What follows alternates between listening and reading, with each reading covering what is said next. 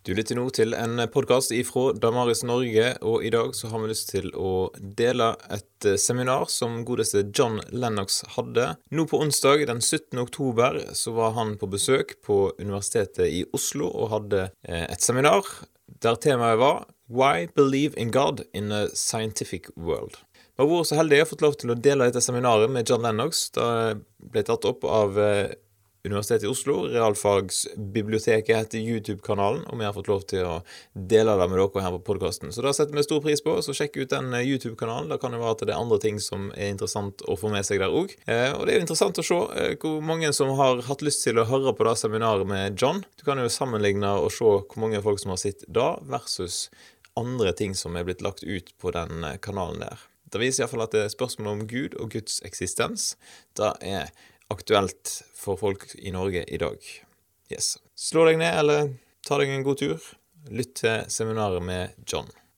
I'm sure you'll be interested to know that one of my textbooks is called Subnormal Subgroups of Groups.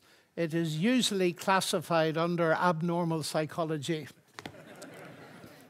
it's a great honor to be in the university of two famous group theorists, Niels Henrik Abel and Sophus Lie. And I've often thought particularly of the first one in his genius, who is reputed to have kept mathematicians alive for about 300 years after his brilliant work on equations of the fifth degree. So it is an honor to be in the University of Oslo and I am asked to speak to you on can we believe in God in a scientific world? I'm not quite sure what a scientific world is, but we shall investigate that as we go. I think the first point to make is misconceptions. First of all, Alvin Plantinga, one of the world's most distinguished philosophers, says the alleged conflict between science and theism is superficial there is real concord. And secondly, the alleged concord between science and atheism is superficial. There is real conflict. So we ought to balance our talk with another talk with this title Can we believe in atheism in a scientific world? And I shall be reflecting on that as we go along. Now, Professor Holm has mentioned some of the pioneers of science, 16th, 17th centuries and later Galileo, Kepler, Newton, Clerk Maxwell, but I thought I ought to put a mathematician in among them, and that is Euler. All of them firm believers in God. And the first question to ask from a historical perspective does that help us in any way to see a connection between faith in God as creator and the rise of modern science. And indeed it does. Professor Alfred North Whitehead, quoted by Lewis here, points out that centuries of belief in a God who combined the personal energy of Jehovah with the rationality of a Greek philosopher first produced that firm expectation of systematic order which rendered possible the birth of modern science.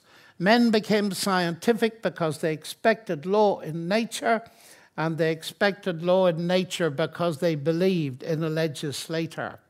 The alleged conflict between science and theism is superficial.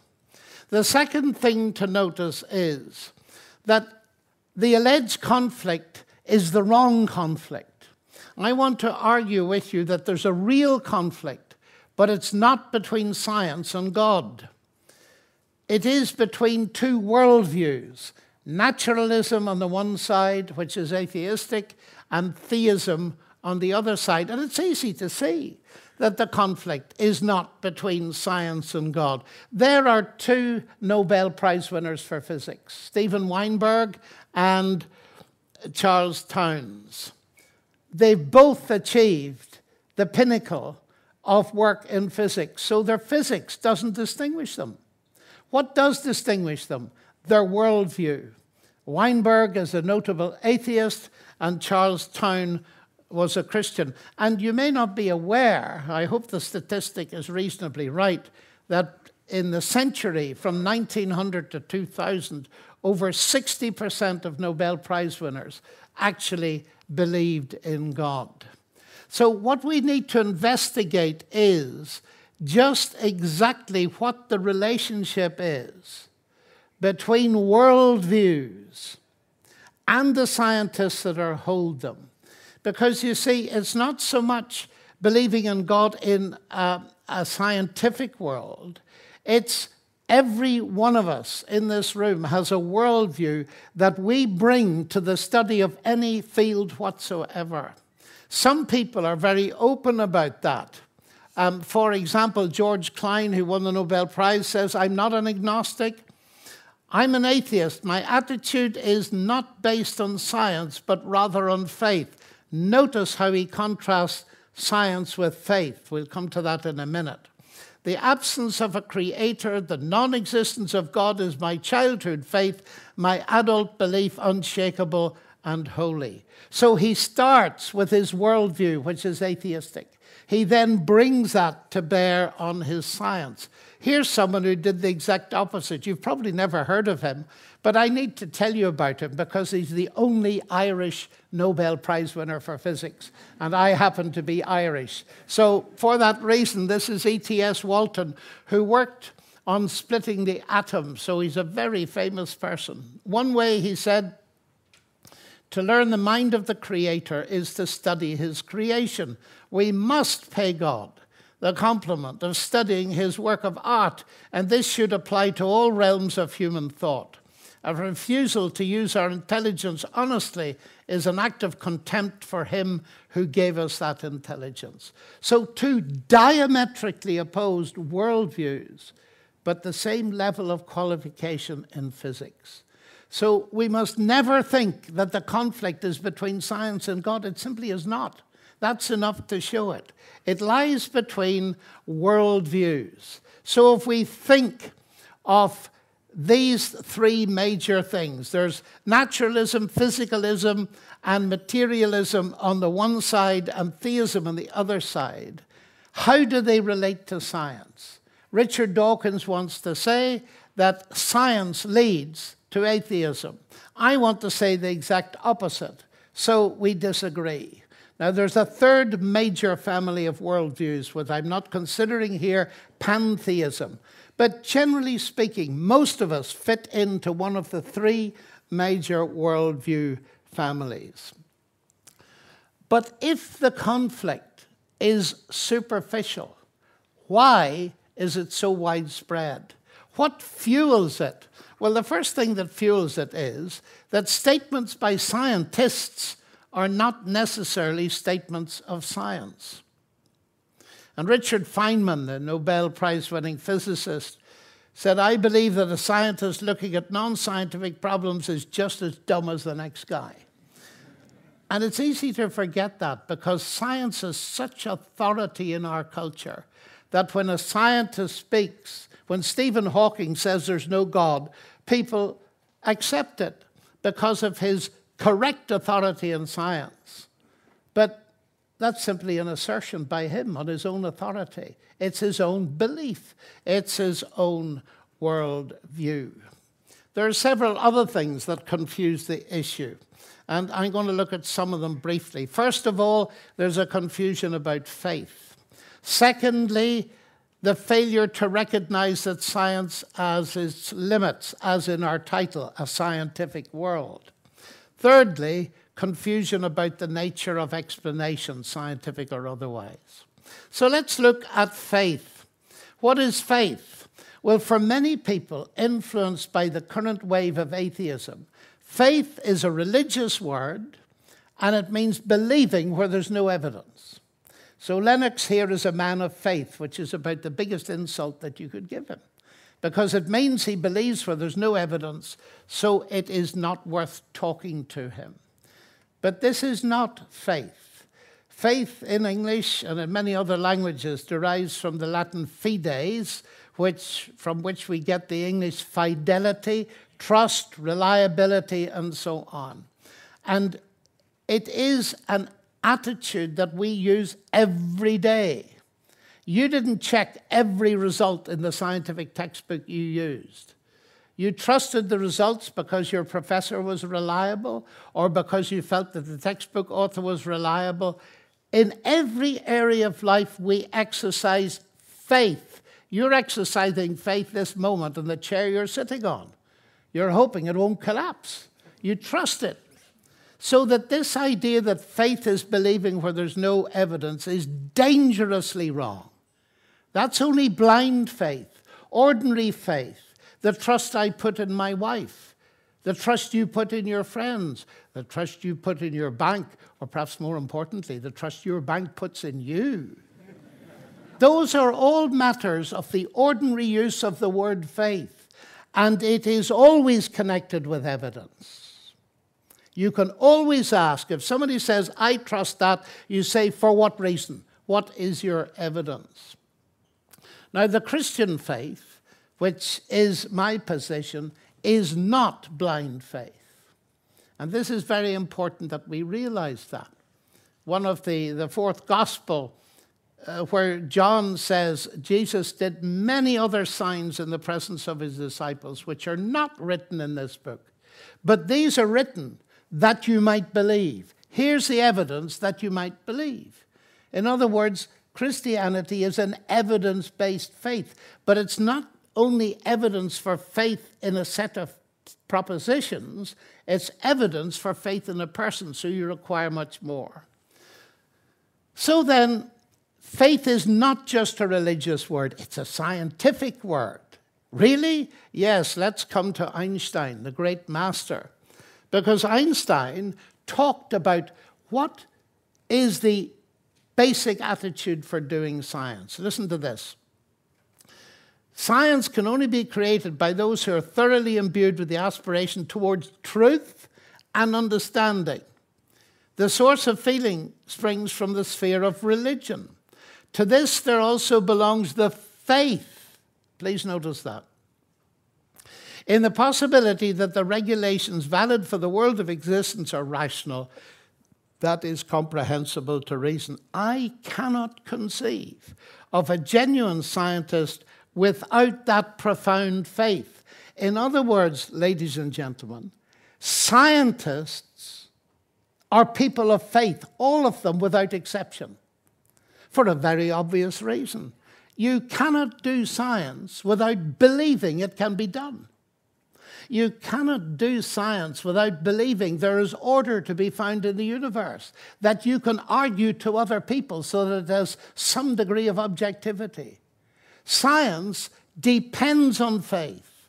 So here's the other false idea that people have grasped that religion involves faith and therefore is useless. Science doesn't involve faith. Both are totally wrong. So we need to correct some of these false ideas. But you see, can you believe in God in a scientific world? Now, that made me think of a very common view Dawkins believes it, Hawking believed it, and that is scientism. That science is the only way to truth. Now, our title could be interpreted that way a scientific world. What would you mean by a scientific world? I can understand a scientific fact, but a scientific world? What does that mean? That the only way of gaining truth about the world is through science. Bertrand Russell once famously wrote Whatever knowledge is attainable must be attained by scientific methods, and what science cannot discover, mankind cannot know. Now, Russell was a brilliant logician, but not here. Just think of the statement whatever science cannot discover, mankind cannot know. Is that a statement of science? No, it isn't. Therefore, if it's true, it's false. It's too late in the afternoon for logic, I'm afraid. But anyway. This is a wild extreme of scientism, the only way to truth. Uh, another Nobel Prize winner, Erwin Schrödinger, again a physicist, he got it right. Look what he says about science. The scientific picture is very deficient. It gives us loads of factual information, but it's ghastly silent about everything near to our heart. It cannot tell us a word about red and blue, bitter and sweet, physical pain, physical delight. It knows nothing of beautiful and ugly, good or bad, God and eternity. It sometimes pretends to answer questions in these domains, but the answers are very often so silly that we're not inclined to take them seriously. That's a right attitude to science, but let's have it more precise because it's important. Here's another Nobel Prize winner from Oxford, Sir Peter Medawar. And what he's saying is vastly important. Science is not coextensive with rationality. Otherwise, half the departments and faculties in this famous university would have to shut tomorrow. There'd be no history, there'd be no economics, there would be no languages, there would be no literature, music, art, or anything else because they're not natural sciences. And Medawar pointed out that there is indeed a limit upon science is made very likely by the existence of questions that science cannot answer, and that no conceivable advance of science would empower it to answer. These are the questions that children ask, the ultimate questions of Karl Popper. Such questions as how did everything begin? What are we all here for? What is the point of living? It's not to science, he adds, therefore, but to metaphysics, imaginative literature, religion that we must turn for answers to questions having to do with first and last things. Science has been successful. Why? Because it asks a limited range of questions. It doesn't deal with every aspect of reality. Now, when Stephen Hawking co authored his book, The Grand Design, he mentioned some of these questions by Popper. And he said traditionally these are questions for philosophy. But, said Hawking, philosophy is dead. Philosophy has not kept up with modern developments in science, particularly physics. Scientists have become the bearers of the torch of discovery in our quest for knowledge. Now, that's scientism, more or less, again. But please notice what he says philosophy is dead. Now, the Cambridge Department of Philosophy were not very pleased about that statement. and some of them, ironically, like I did, we're very surprised that Hawking said that because it comes at the beginning of a book about what topic? The philosophy of science. So to say it's dead before you start is not a very hopeful pro, uh, way of progressing. Now, let me say something. Stephen Hawking was a genius. I remember him at Cambridge just when his motor neurone disease had started. Mathematically, he's light years better than I am. So let not what I say be taken as criticism for his mathematics. What I'm going to say is more in line with Einstein, who once said, The mathematician is a poor philosopher. And at the really the farewell or the burial service for Hawking, Lord Rees, who's our astronomer royal, said, I know Stephen very well. I know he doesn't know any theology and even less philosophy and we shouldn't take him seriously on any of these topics. And I thought that was a very honest statement of a man who praised Hawking. And personally, I wish he'd won the Nobel Prize because someone had discovered Hawking radiation. But that remains to be done. So I'm not criticizing this mathematician. But what concerns me is, with this great authority, he comes across to say that philosophy is dead that science is bearing the torch of truth and is going to solve these ultimate questions. And I think he's achieved none of them. And I want to suggest that to you just very briefly. Now, Hawking's also interesting because he occupied, up until not so long ago, Isaac Newton's chair at Cambridge. So you've Isaac Newton and you've Stephen Hawking. They both worked on gravity. Isaac Newton discovered gravity and he believed in God. Stephen Hawking worked on gravitational black holes and he didn't believe in God. So here are two people involved in working on gravity, one an atheist and one a theist. And I asked myself when I read the book, how do you get really from Newton to Hawking? What has happened is something about science that has changed, or something about theology, or what is it? So I decided to write a book about it. And um, here are some of the ideas that I came up with. There are three reasons I believe why some of these eminent scientists are atheists. First of all, there's a logical problem. Secondly, there are problems with their ideas about God. And thirdly, there are problems about their ideas about explanation. Now, the first one, one of the central statements of this book, is where Hawking is talking about the positive energy and the negative gravitational energy in the universe being balanced. And then he says, because there is a law like gravity, the universe can and will create itself from nothing. And I thought, I would like to think about that. He then said that M theory, you needn't worry about what that is, is the only candidate for a complete theory of the universe. Now, the first point I want to make is that this has been heavily criticized. He says it's the only candidate. His co worker, Sir Roger Penrose, says his book is misleading. It gives you this impression of a theory that's going to explain everything. It's nothing of the sort. It's not even a theory. And I actually knew of one of the co workers of Stephen Hawking who's a Christian. So I wrote to him Does this M theory, how does it affect faith in God or not? Here's what he wrote back. Even if M theory were a fully formulated theory, which it isn't yet, and were correct, which of course we don't know, that would not imply that God did not create the universe. So here's someone who goes down the same lines as Hawking, but interprets theologically the results in the complete opposite direction. Now, that was the first thing that interested me. But then, coming back to this famous statement, I was interested in a universe that can create itself from nothing. You say, well, it's interesting, isn't it? If I say to you, X creates Y, well, roughly speaking, if you've got X, you'll get Y somehow. If I say X creates X, what does that mean? If you've got X, you'll get X. And what does that mean? Well, it seems to me to mean that nonsense remains nonsense even if scientists write it. and you see, because there's a law like gravity, but that's the existence of something. It's not the existence of nothing. And then that puzzles me with that big sentence. Is he talking about nothing in terms of zero.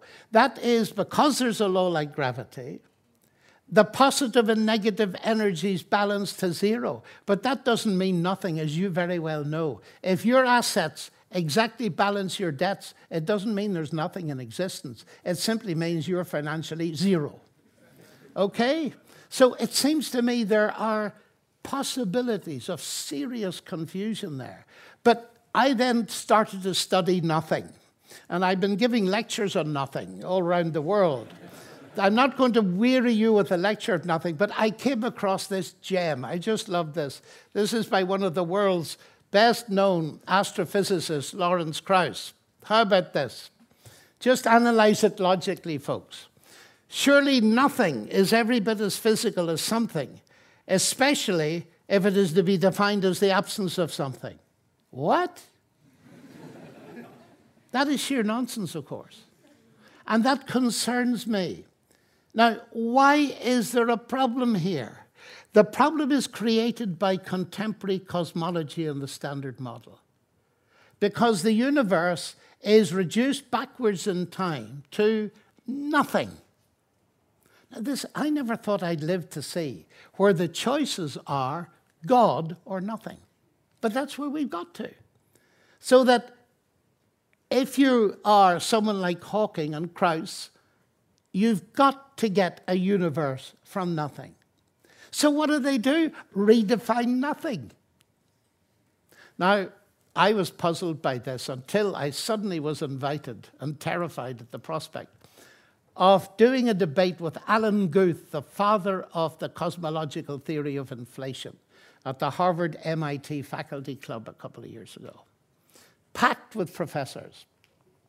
And Alan Guth turned out to be a very friendly man and talked about his theory of inflation.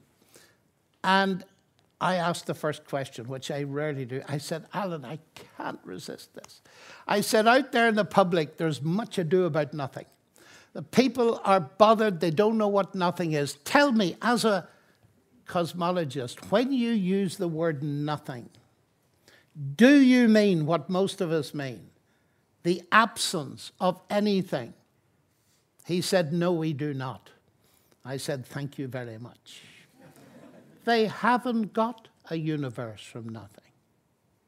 Hawking in his book says there's no such thing as empty space. He talks about a quantum vacuum with particles coming in and out of existence. Now, all of that is fascinating stuff to think about. But what bothers me is the claim is we've solved the biggest question of life.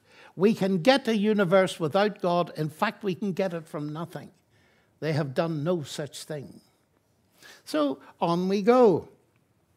Of course, the next thing is to ask about the origin of the laws, because there is a law of gravity. Now, that raises fascinating questions for me.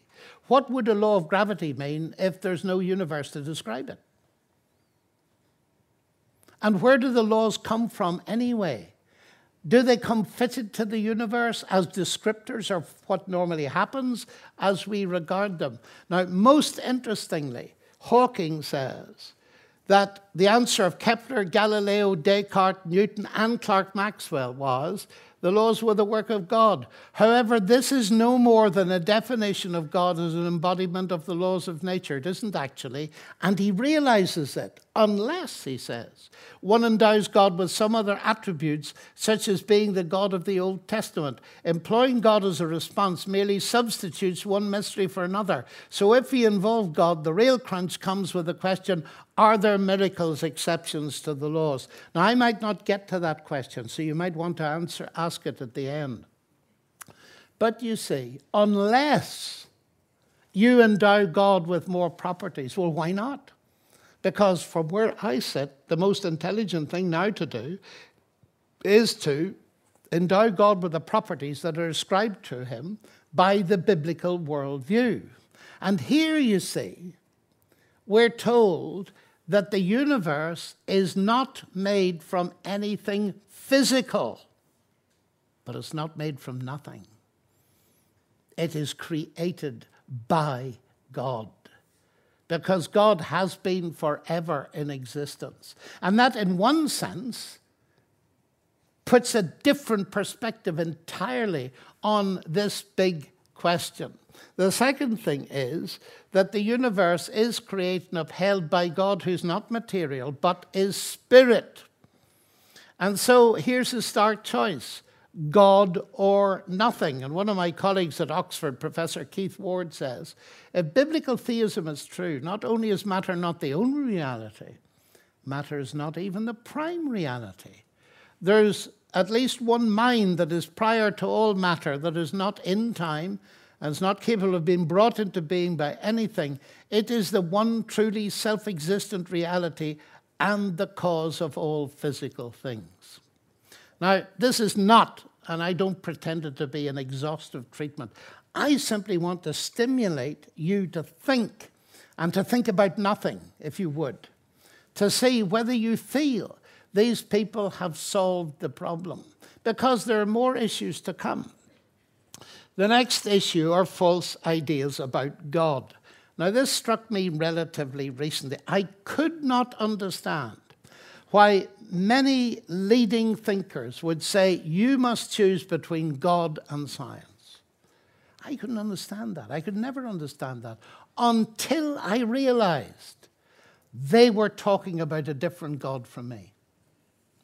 Because their concept of God, and you'll see Hawking with it in his book, is a kind of Greek God, let's say, of lightning.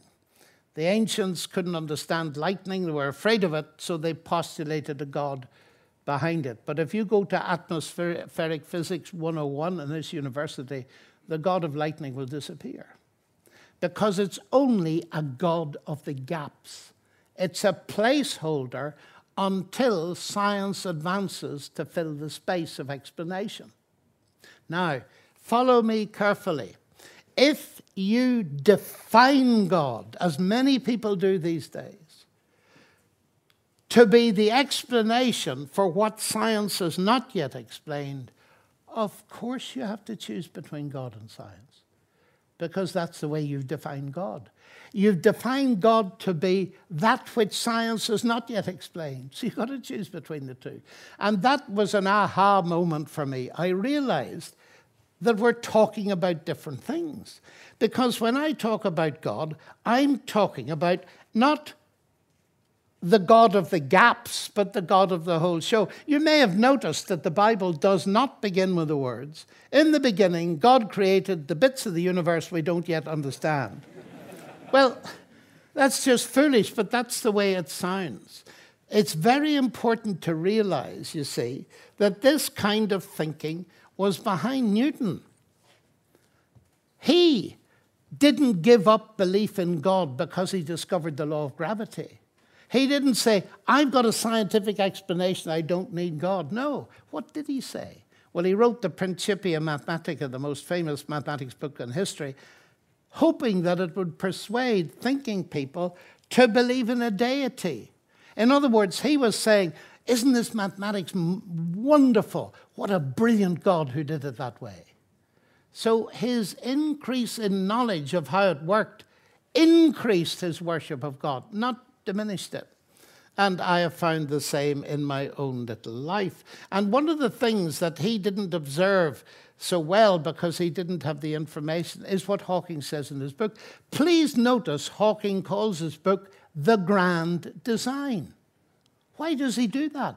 Because he sees a grand design. And what he says about it is as you see, our universe and its laws appear to have a design that's tailor made to support us, and if we are to exist, leaves little room for alteration. That is not easily explained. The discovery of the extreme fine tuning of so many of the laws of nature could lead us, at least some of us, back to the old idea that this grand design is the work of some grand designer. That is not the answer of modern science. Our universe seems to be one of many, each with different laws. Now, please notice the nature of these arguments. The old idea, C.S. Lewis had a marvelous word for that argument. He called it chronological snobbery. Because it's old, it's wrong. Well, since I'm old, obviously, I must be wrong. Um, ideas that are old aren't necessarily wrong. That's just nonsensical. Secondly, he says that that is not the answer of modern science. That's an incorrect statement. That is not the answer of some modern scientists. It is the answer of some modern scientists. So he's conflating science with a group of scientists. And then he says the alternative to God is the multiverse. But any philosopher will tell you God and the multiverse are not alternatives. Indeed, God could create as many universes as he likes. The ideas are not antipathetic. So, fine tuning comes again as one of these important ideas. I had a debate not so long ago with one of our senior professors of philosophy. And he said, I want you to meet my students, and they're going to give you a very rough time, a hundred philosophers. And I said, Well, that's okay. And uh, he said, I hope you'll use my, my best argument against atheism. Oh, I said, please help me.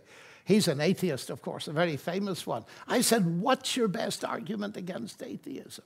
Oh, he said, obviously. He said, If I were ever to become a Christian or a theist, it would be fine tuning. I think there's a lot of weight behind it. Okay, I said, I'll use it. And I did. So, the fine tuning, which is a hugely interesting field, is one of those indicators to my mind of the specialness of our universe. The accuracy to which the basic constants of nature have to be tuned to have a universe like this. It's a bit of evidence. It's not a mathematical proof, of course, but you never will get mathematical proofs of God or anything else except in pure mathematics. Because rigorous proof only occurs in pure mathematics. In every other field, it's giving evidence giving arguments to the best explanation, etc. But there is no such thing as rigorous logical proof. But then let's come down to questions of explanation. I learned the law of gravity at school, and I was told that gravity explained. I wish I'd asked my teacher, sir, what does gravity explain? Because you know what I used to think? I used to think the law of gravity explained gravity, but it doesn't. Newton said it in Latin, so I didn't grasp it the first time I read it. Non fingo hypothesi. I'm not making hypotheses. I don't know what this stuff is. My law relates the motions of heavy bodies in relationship to one another, and the law of gravity describes those motions, but it doesn't tell you what gravity is. A little bit more research showed me nobody today really knows what gravity is, nor do they know what energy is, nor do they know what time is. So we need to be humble here. It doesn't explain. Now, here's the big problem. Somebody's dealing with science and God and says, ah, but science explains. Watch that very carefully. Because very frequently the scientific explanation is very partial. Let me give you a simple illustration. Why is the water boiling? Well, you say it's boiling because there's the heat from a gas flame is being conducted through the copper kettle base, agitating the molecules. That's why the water is boiling. Well, of course, but it's boiling because I would just love a cup of coffee. A little ripple of laughter. But you see the point. Those are two explanations for the same thing. Tell me, do they conflict? No. Do they compete? No. They complement. Now, this is such a simple example. There's a scientific law like explanation involving heat. There's a personal agency explanation. Why can that not be true of the universe? Science studies how it works. God's the answer to who made it. They don't compete. And the way I often put it to people is this Newton's law of gravitation no more competes with God as an explanation of the universe than the law of internal combustion competes with Henry Ford as an explanation of the motor car. One more thing about explanation.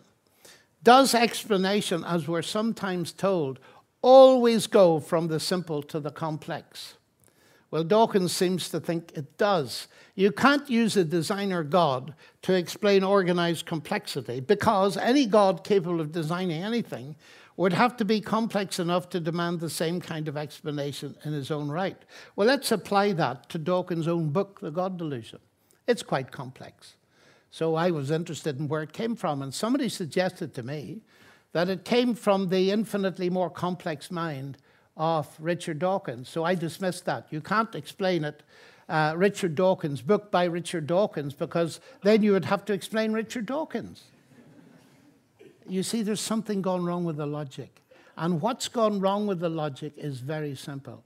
Ladies and gentlemen, the moment you see anything with language involved. Like that up there. One of those words.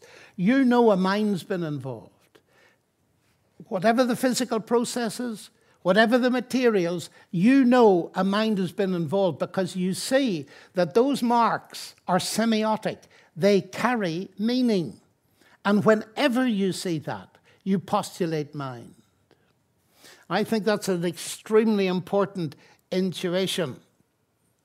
And uh, just to illustrate it finally, I want to go back to our faith as scientists. Because sometimes I have fun with my colleagues and I ask them, What do you do science with? And they tell me about some billion dollar machine. I said, I don't mean that. Oh, you mean our. And they're about to say brain when they realize that it's not politically correct to say brain. Uh, mind, sorry. You mean our brain. I said, Okay, you believe the brain is the mind. I don't, but let's stick with the brain. Tell me the brief history of the brain. Well, the brain is the end product of a mindless, unguided process. And I smile at them uh, and I say, and you trust it. Tell me, if you knew that your computer was the end product of a mindless, unguided process, would you trust it? And I always wait for an answer. And in many years, I've never got the answer. Yes, I would. So why do you trust your mind? And often they say to me, you know, that's a very interesting question. Where did you get it? I said, You'll not believe. I'm not clever enough to think of a question like that. But actually, Darwin thought of it. What? Yes, he did. But then with me, he wrote, The horrid doubt always arises whether the convictions of man's mind, which has been developed from the mind of the lower animals, are of any value or at all trustworthy. Would anyone trust in the convictions of a monkey's mind if there are any convictions in such a mind? Now, that is now moved to the center of the philosophical debate because now it's not just Christians that are bringing it up, but atheists. One of the most famous is Thomas Nagel. Look at the title of his book. I thought, can anybody dare to write a book like that in the 21st century? Why the neo Darwinian view of the world is almost certainly false. Nagel's one of the world's top philosophers. And what he's getting at is this central Darwinian argument. If the mental is not itself merely physical, it cannot be fully explained by physical science. Evolutionary naturalism implies that we shouldn't take any of our convictions seriously, including the scientific world picture on which evolutionary naturalism itself depends. But he didn't get there first. C.S. Lewis got there years ago. Unless human reasoning is valid, no science can be true. The naturalists have been engaged in thinking about nature. They have not attended to the fact that they were thinking. The moment one attends to this, it's obvious that one's own thinking cannot be merely a natural event, and therefore something other than nature exists. So here's something very important to my mind. Can I believe in atheism in a scientific age with huge difficulty. Because, as far as I can see, atheism removes the grounds for doing any science at all. That's a pretty provocative statement, but it's only fair to balance up what we said at the beginning. So, in coming to a conclusion, we have lived to see that we have got biological molecules that carry information. What does that point to? Well, the obvious intuition, it points to a word based universe. The moment we see a thing like that, we postulate mind everywhere else except here because we've got to find an explanation that fits with atheism, and that one does not do that. So we haven't time to go into the fascinating thing that the very brief description of creation in the first book in the Bible is profound beyond belief because it says this universe was built up in a series of energetic and informational inputs from outside a non closed system. And God said, or to update that into New Testament times, in the beginning was the Word, and the Word was God all things were made by him. Made by nothing, made by word. And every intuition for me as a mathematician in the mathematical describability of the universe, in the fine tuning of the universe, in the information contained in our biology points in one direction, and that is the grand design is grand because there is a grand designer. And I love these words by astronomer Arno Penzias, who won the Nobel Prize. Astronomy leads us to a unique event, a universe made out of nothing with the precise fine tuning which is necessary for life and which one might say has an underlying supernatural plan. Well, now, that brings us to Hawking's second point that the whole business of a universe with laws raises the question as to the status of those laws.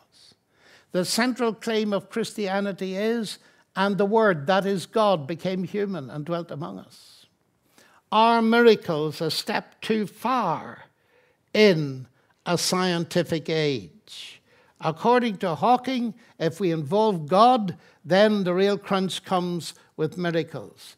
And he says his book is rooted in the concept of scientific determinism, which implies the answer is that there are no miracles nor exceptions to the laws. Are miracles a step too far? Well, if you want to know, you'll have to ask me because I'm done. The time's up. Thank you very much.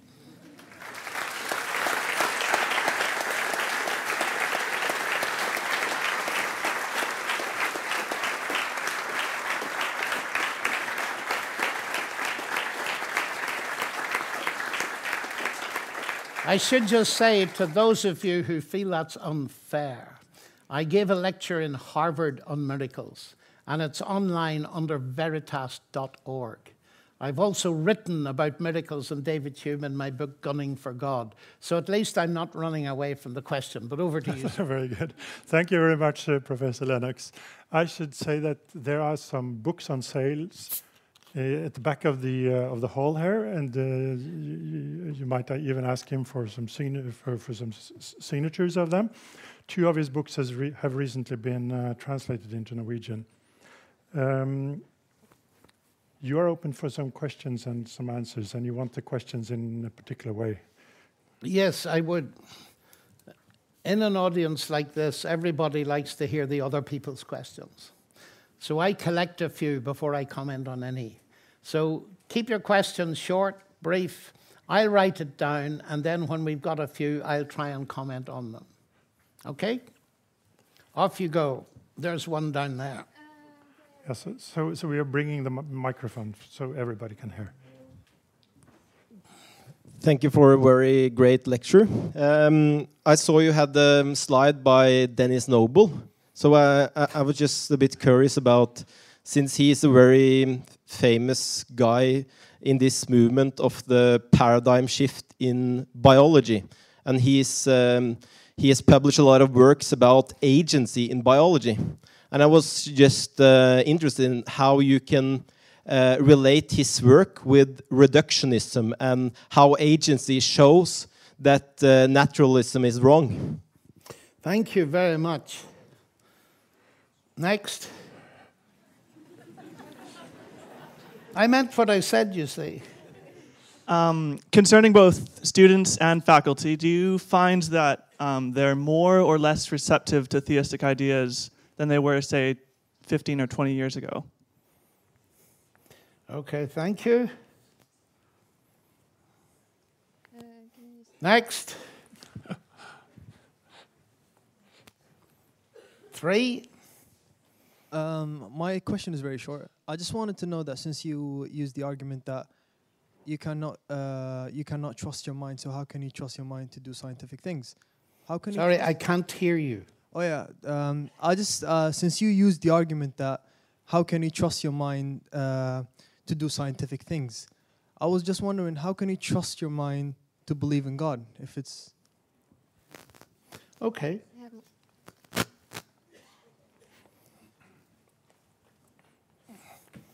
Right, number four. I, uh, I have a question. Uh, thank you for that exceptional lecture. Uh, I'm wondering about something.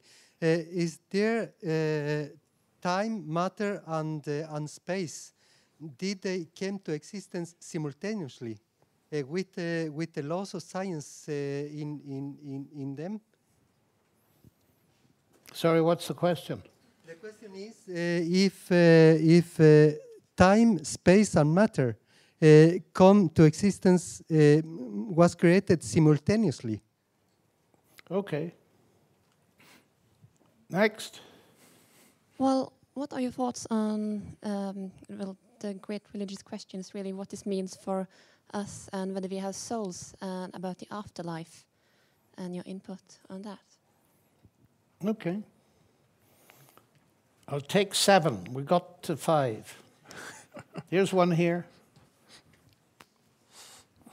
Do you think it's metaphysically possible that there is no God? Now, wait a minute. Just go a bit slower.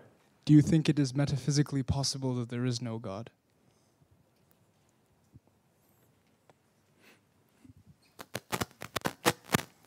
Okay, seven.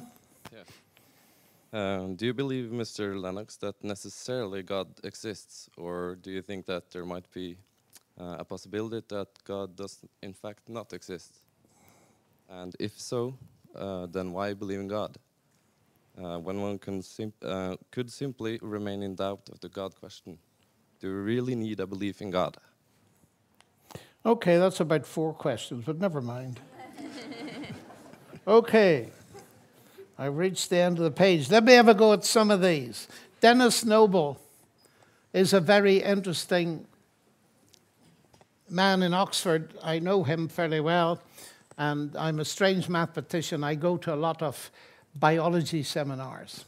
And I've been very interested in listening to his critiques of the neo Darwinian synthesis and in his anti reductionism. You see, a great deal of what lies behind Dawkins and Hawking and so on is the idea that everything can be explained bottom up, or everything can be reduced to simple elements. I want to argue that that is not impossible. That is impossible, and I want to bring physics in because physics has, uh, at last, presented us with the concept of information as apparently irreducible to physics and chemistry. Now, that's a hugely interesting thing because it means that physical materialism is false, because information is not material. But Denis Noble is, as you say, uh, a systems biologist. He really invented the subject. And he is very clear on this that if we reduce rational behavior simply to molecular and cellular causation, which you have to do if there's no top down causation, then he says we would no longer be able meaningfully to express the truth of what we had succeeded in doing. In any case, the question does not arise, no such reduction is conceivable. Now, it takes a lot of courage to say that in a reductionist scientific community. My teacher of quantum mechanics at Cambridge, Professor Sir John Polkinghorne, makes a similar point. He said the reductionists reduce thought to the firing of synapses in the brain, and therefore they empty it of all meaning. So that reductionism is not the way to go to remain intelligible. And that relates to one of these questions um, about trusting my mind. How do you trust your mind to believe in God? But just half a minute. What I am claiming is not that atheists don't trust their minds. Of course they do. Not that they don't do as brilliant science as Christians. Of course they do, and much better. And why is that possible? Because from where I sit, everyone, whatever they believe, is made in the image of God and can show his creative reflection. I'm making a very careful point. I'm saying that many of my atheist colleagues have no logical ground for trusting their mind. They trust them, but they've no logical ground to do it. As a Christian, of course, believing that God created the universe out there and my mind in here, I have every ground for trusting and believing in God with my mind. Of course, I have, because that atheist argument doesn't apply to me. Now, the next one was were time, matter, and space created simultaneously? Well, I don't uh, claim to be an expert in cosmology. I read all the books and the idea of a simultaneous creation runs up against, uh, well, as far as Hawking's uh, concerned, against his no boundary concepts of time at the beginning. And I find that a very stretching idea. But let me go back to the more simple place. And the fascinating thing for me as a Christian is the biblical record is that God did not create everything simultaneously. There's a sequence. Now, what you make of it or not is another matter, but there is a sequence. And God said, and God said, and God said, and God said. And it seems to me to be a very deliberate sequence to make some very provocative points almost as if the writer of Genesis had thought about the contemporary era. Because on so called day three, and if you're interested in the days, I've just had a book translated into Norwegian on that topic. Um, on day three, there are twice, two times that God speaks twice. And God said, and you get inorganic material. And then you get, and God said, and you get organic material. I find that fascinating because it's indicating, at least there, that you do not get from the inorganic to the organic by mindless, unguided processes. And it's the same on day six between animals and humans. As I say, that seems to me to almost anticipate a contemporary debate. So the idea that, that um, creation itself, broadly speaking, is not simultaneous is, it seems to me, thoroughly biblical. Okay, do you find students more or less receptive than 15 to 20 years ago? Well, you all look so young, you know, to me now. I've been living with students for well over 50 years, and in a way, their questions don't change much. When I was in Cambridge in the 1960s, they were very receptive. I mean, we had 10,000 students. We get 500 of them every Saturday night to have a public Bible study. That was incredible. If we had a special meeting, we'd get a thousand. So the interest in Christianity was huge, but only less than 10% of the population went to university. I am very encouraged in what I see around Europe as to interest among students because look at the group that's here today. And by the way, thank you for coming. You've taken out time to come to this. But I find this in almost every university I visited over the last 20 or 30 years. People are getting a little bit tired of the emptiness of a materialistic philosophy. Often they haven't grown up with Christianity, so they haven't been put off by a negative experience of religion. And they may have come into contact among their fellow students with Christians who are really living the Christian life and they've got some sort of life to offer. And therefore, it seems to me that there is perhaps more, although that's dangerous. It's always very dangerous to make generalizations. But let me put it this way I keep doing it. And I keep doing it because of the immense response of people like yourselves. The exciting thing about a university like this is that you can learn from different perspectives. No doubt you've had Dawkins here in the past, but you can learn from different perspectives. And by learning from different perspectives, you can. Oh, I've lost the whole thing. Isn't that clever? I just wanted to show you the very last slide, which you don't need to see because I can say it. Um,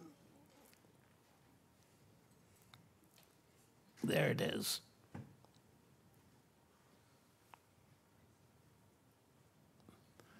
You got the chance to investigate and make up your own minds. Can I tell them a story? A little story. Why I do this kind of thing. When I was 19, I met my first Nobel Prize winner. And I sat beside him at dinner, and he tried. Well, I talked to him about my Christian faith, and he didn't like it. So, being a kind Irishman, I backed off. And at the end of the dinner, he invited me to his room, and it sounded threatening. and he asked me to sit down, and he had two or three other professors with him, no students. He said, Lennox, do you want to make a career in science? Yes, sir. Well, in front of witnesses tonight, give up this naive and childish faith in God. It will destroy you. You'll never get anywhere in mathematics. You will suffer by comparison with your peers. Talk about terrifying. And I couldn't help thinking if he'd been a Christian and I'd been an atheist, he'd have lost his job the next day. And I asked him what he had to offer me that was better than what I'd got already. And he came out with a theory of evolutionism that I happen to know about by Emile Bergson. And I said, if that's all you've got, I'll take the risk and stick with what I've got. But I tell you, the reason I sit in front of you is this I resolved on that day at the age of 19 that if ever I got the chance to mention these things in public, I would not try to browbeat people. I'd try and present the evidence as I saw it and respect them enough to make up their own minds. There are a couple of other questions. Um, is it metaphysically possible there is no God? Well, I presume so, since you made a metaphysical statement to that effect. You see, in connection with what I've just said to you, I have spent my whole life making my faith in God publicly vulnerable. Why? Because I come from Ireland. And when I got to Cambridge, the Freudian objection was already there. You believe in God, poor chap. Of course you do. All the Irish do, and they fight about it. well, you see, when you're brought up in that, I wanted to know. And so on my first day at Cambridge, I deliberately befriended a person who didn't share my worldview. And I've been doing it all of my life. So, those kind of questions I've been treating with endlessly and had the opportunity to discuss it with some of the leading atheists in the world because I wanted to be sure. And the reason I sit here confident as a Christian is not because there's anything special about me, because what I've discovered is that when you expose a living faith in Christ to the world, and I've done it a lot in Russia, and they know what atheism is far better than anybody in Western Europe you find that it stands the test of time. So, a lot of these quasi metaphysical questions, um, in one sense, I answer them at the practical level because it's the only level. I don't count myself as an expert philosopher, although I love philosophy. It is so interesting. Is God necessary or not? Now, suppose you decide He is. What way is that going to change your life and your thinking? These are difficult and they're interesting questions. But in a way, I find it much more satisfying to expose what you believe in the public's space. Do we need a God? Do we need to believe? Well, that, of course, is just Freudian emotionalism. You believe in God because you need one. Well, some people do believe in God because they need one. That doesn't prove he exists or not. You've got to decide that on different grounds. It would be very surprising if a God of love who sent Christ to die for me, if that didn't create some emotional response if it's true. Very surprising. So, if it's true, you may expect it to fulfill a need.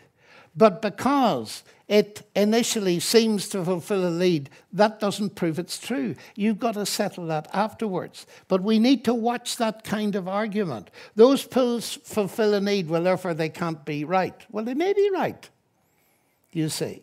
So that um, we need to distinguish the different kinds of evidence. Now, one of the questioners asked about souls and the afterlife. Well, this is a huge topic. If you want to know what I think about the soul, have a look and the mind body problem. Have a look at an article I wrote um, for a book mistitled The Missing Link by Roy Varghese. It's where a whole crew of us, mostly scientists, answer the question what's your personal take on the mind body problem? But the afterlife seems to me to be one of the things utterly guaranteed for the Christian. Because I firmly believe, nobody asked me about the miracles, that's fine. You obviously understand all about them. That's good. Because I firmly believe, and it's the heart of my Christian foundation, that Jesus Christ actually did physically rise from the dead. So he's broken the death barrier. That's a huge thing.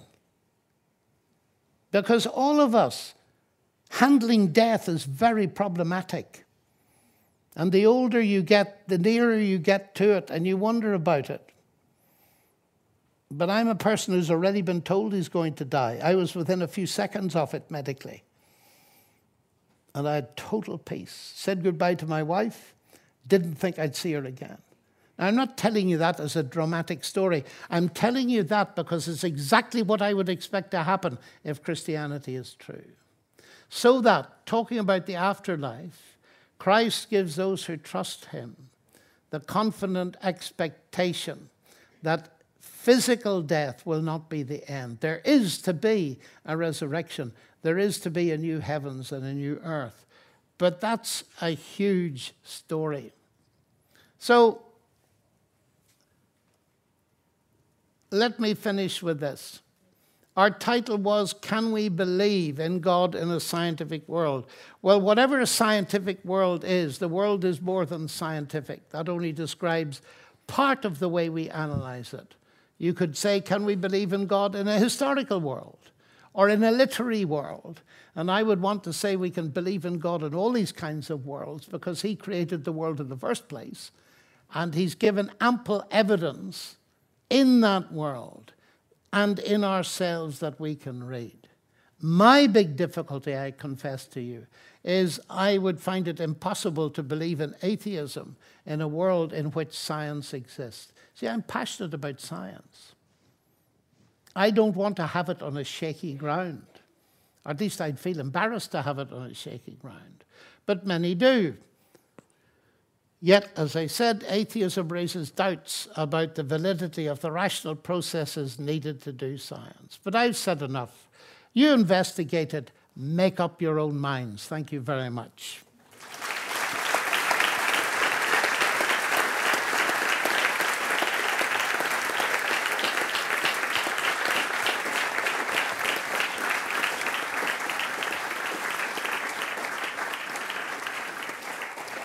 Thank you very much again, John Lennox. It was a wonderful lecture. And with seven questions, I guess that's uh, that's enough. Those of you who want have even more questions, there is actually an invitation for in RF Kjelleren, under here, I believe it is. The Christian Student Union uh, has a free dinner for those who have even more questions. so, thank you.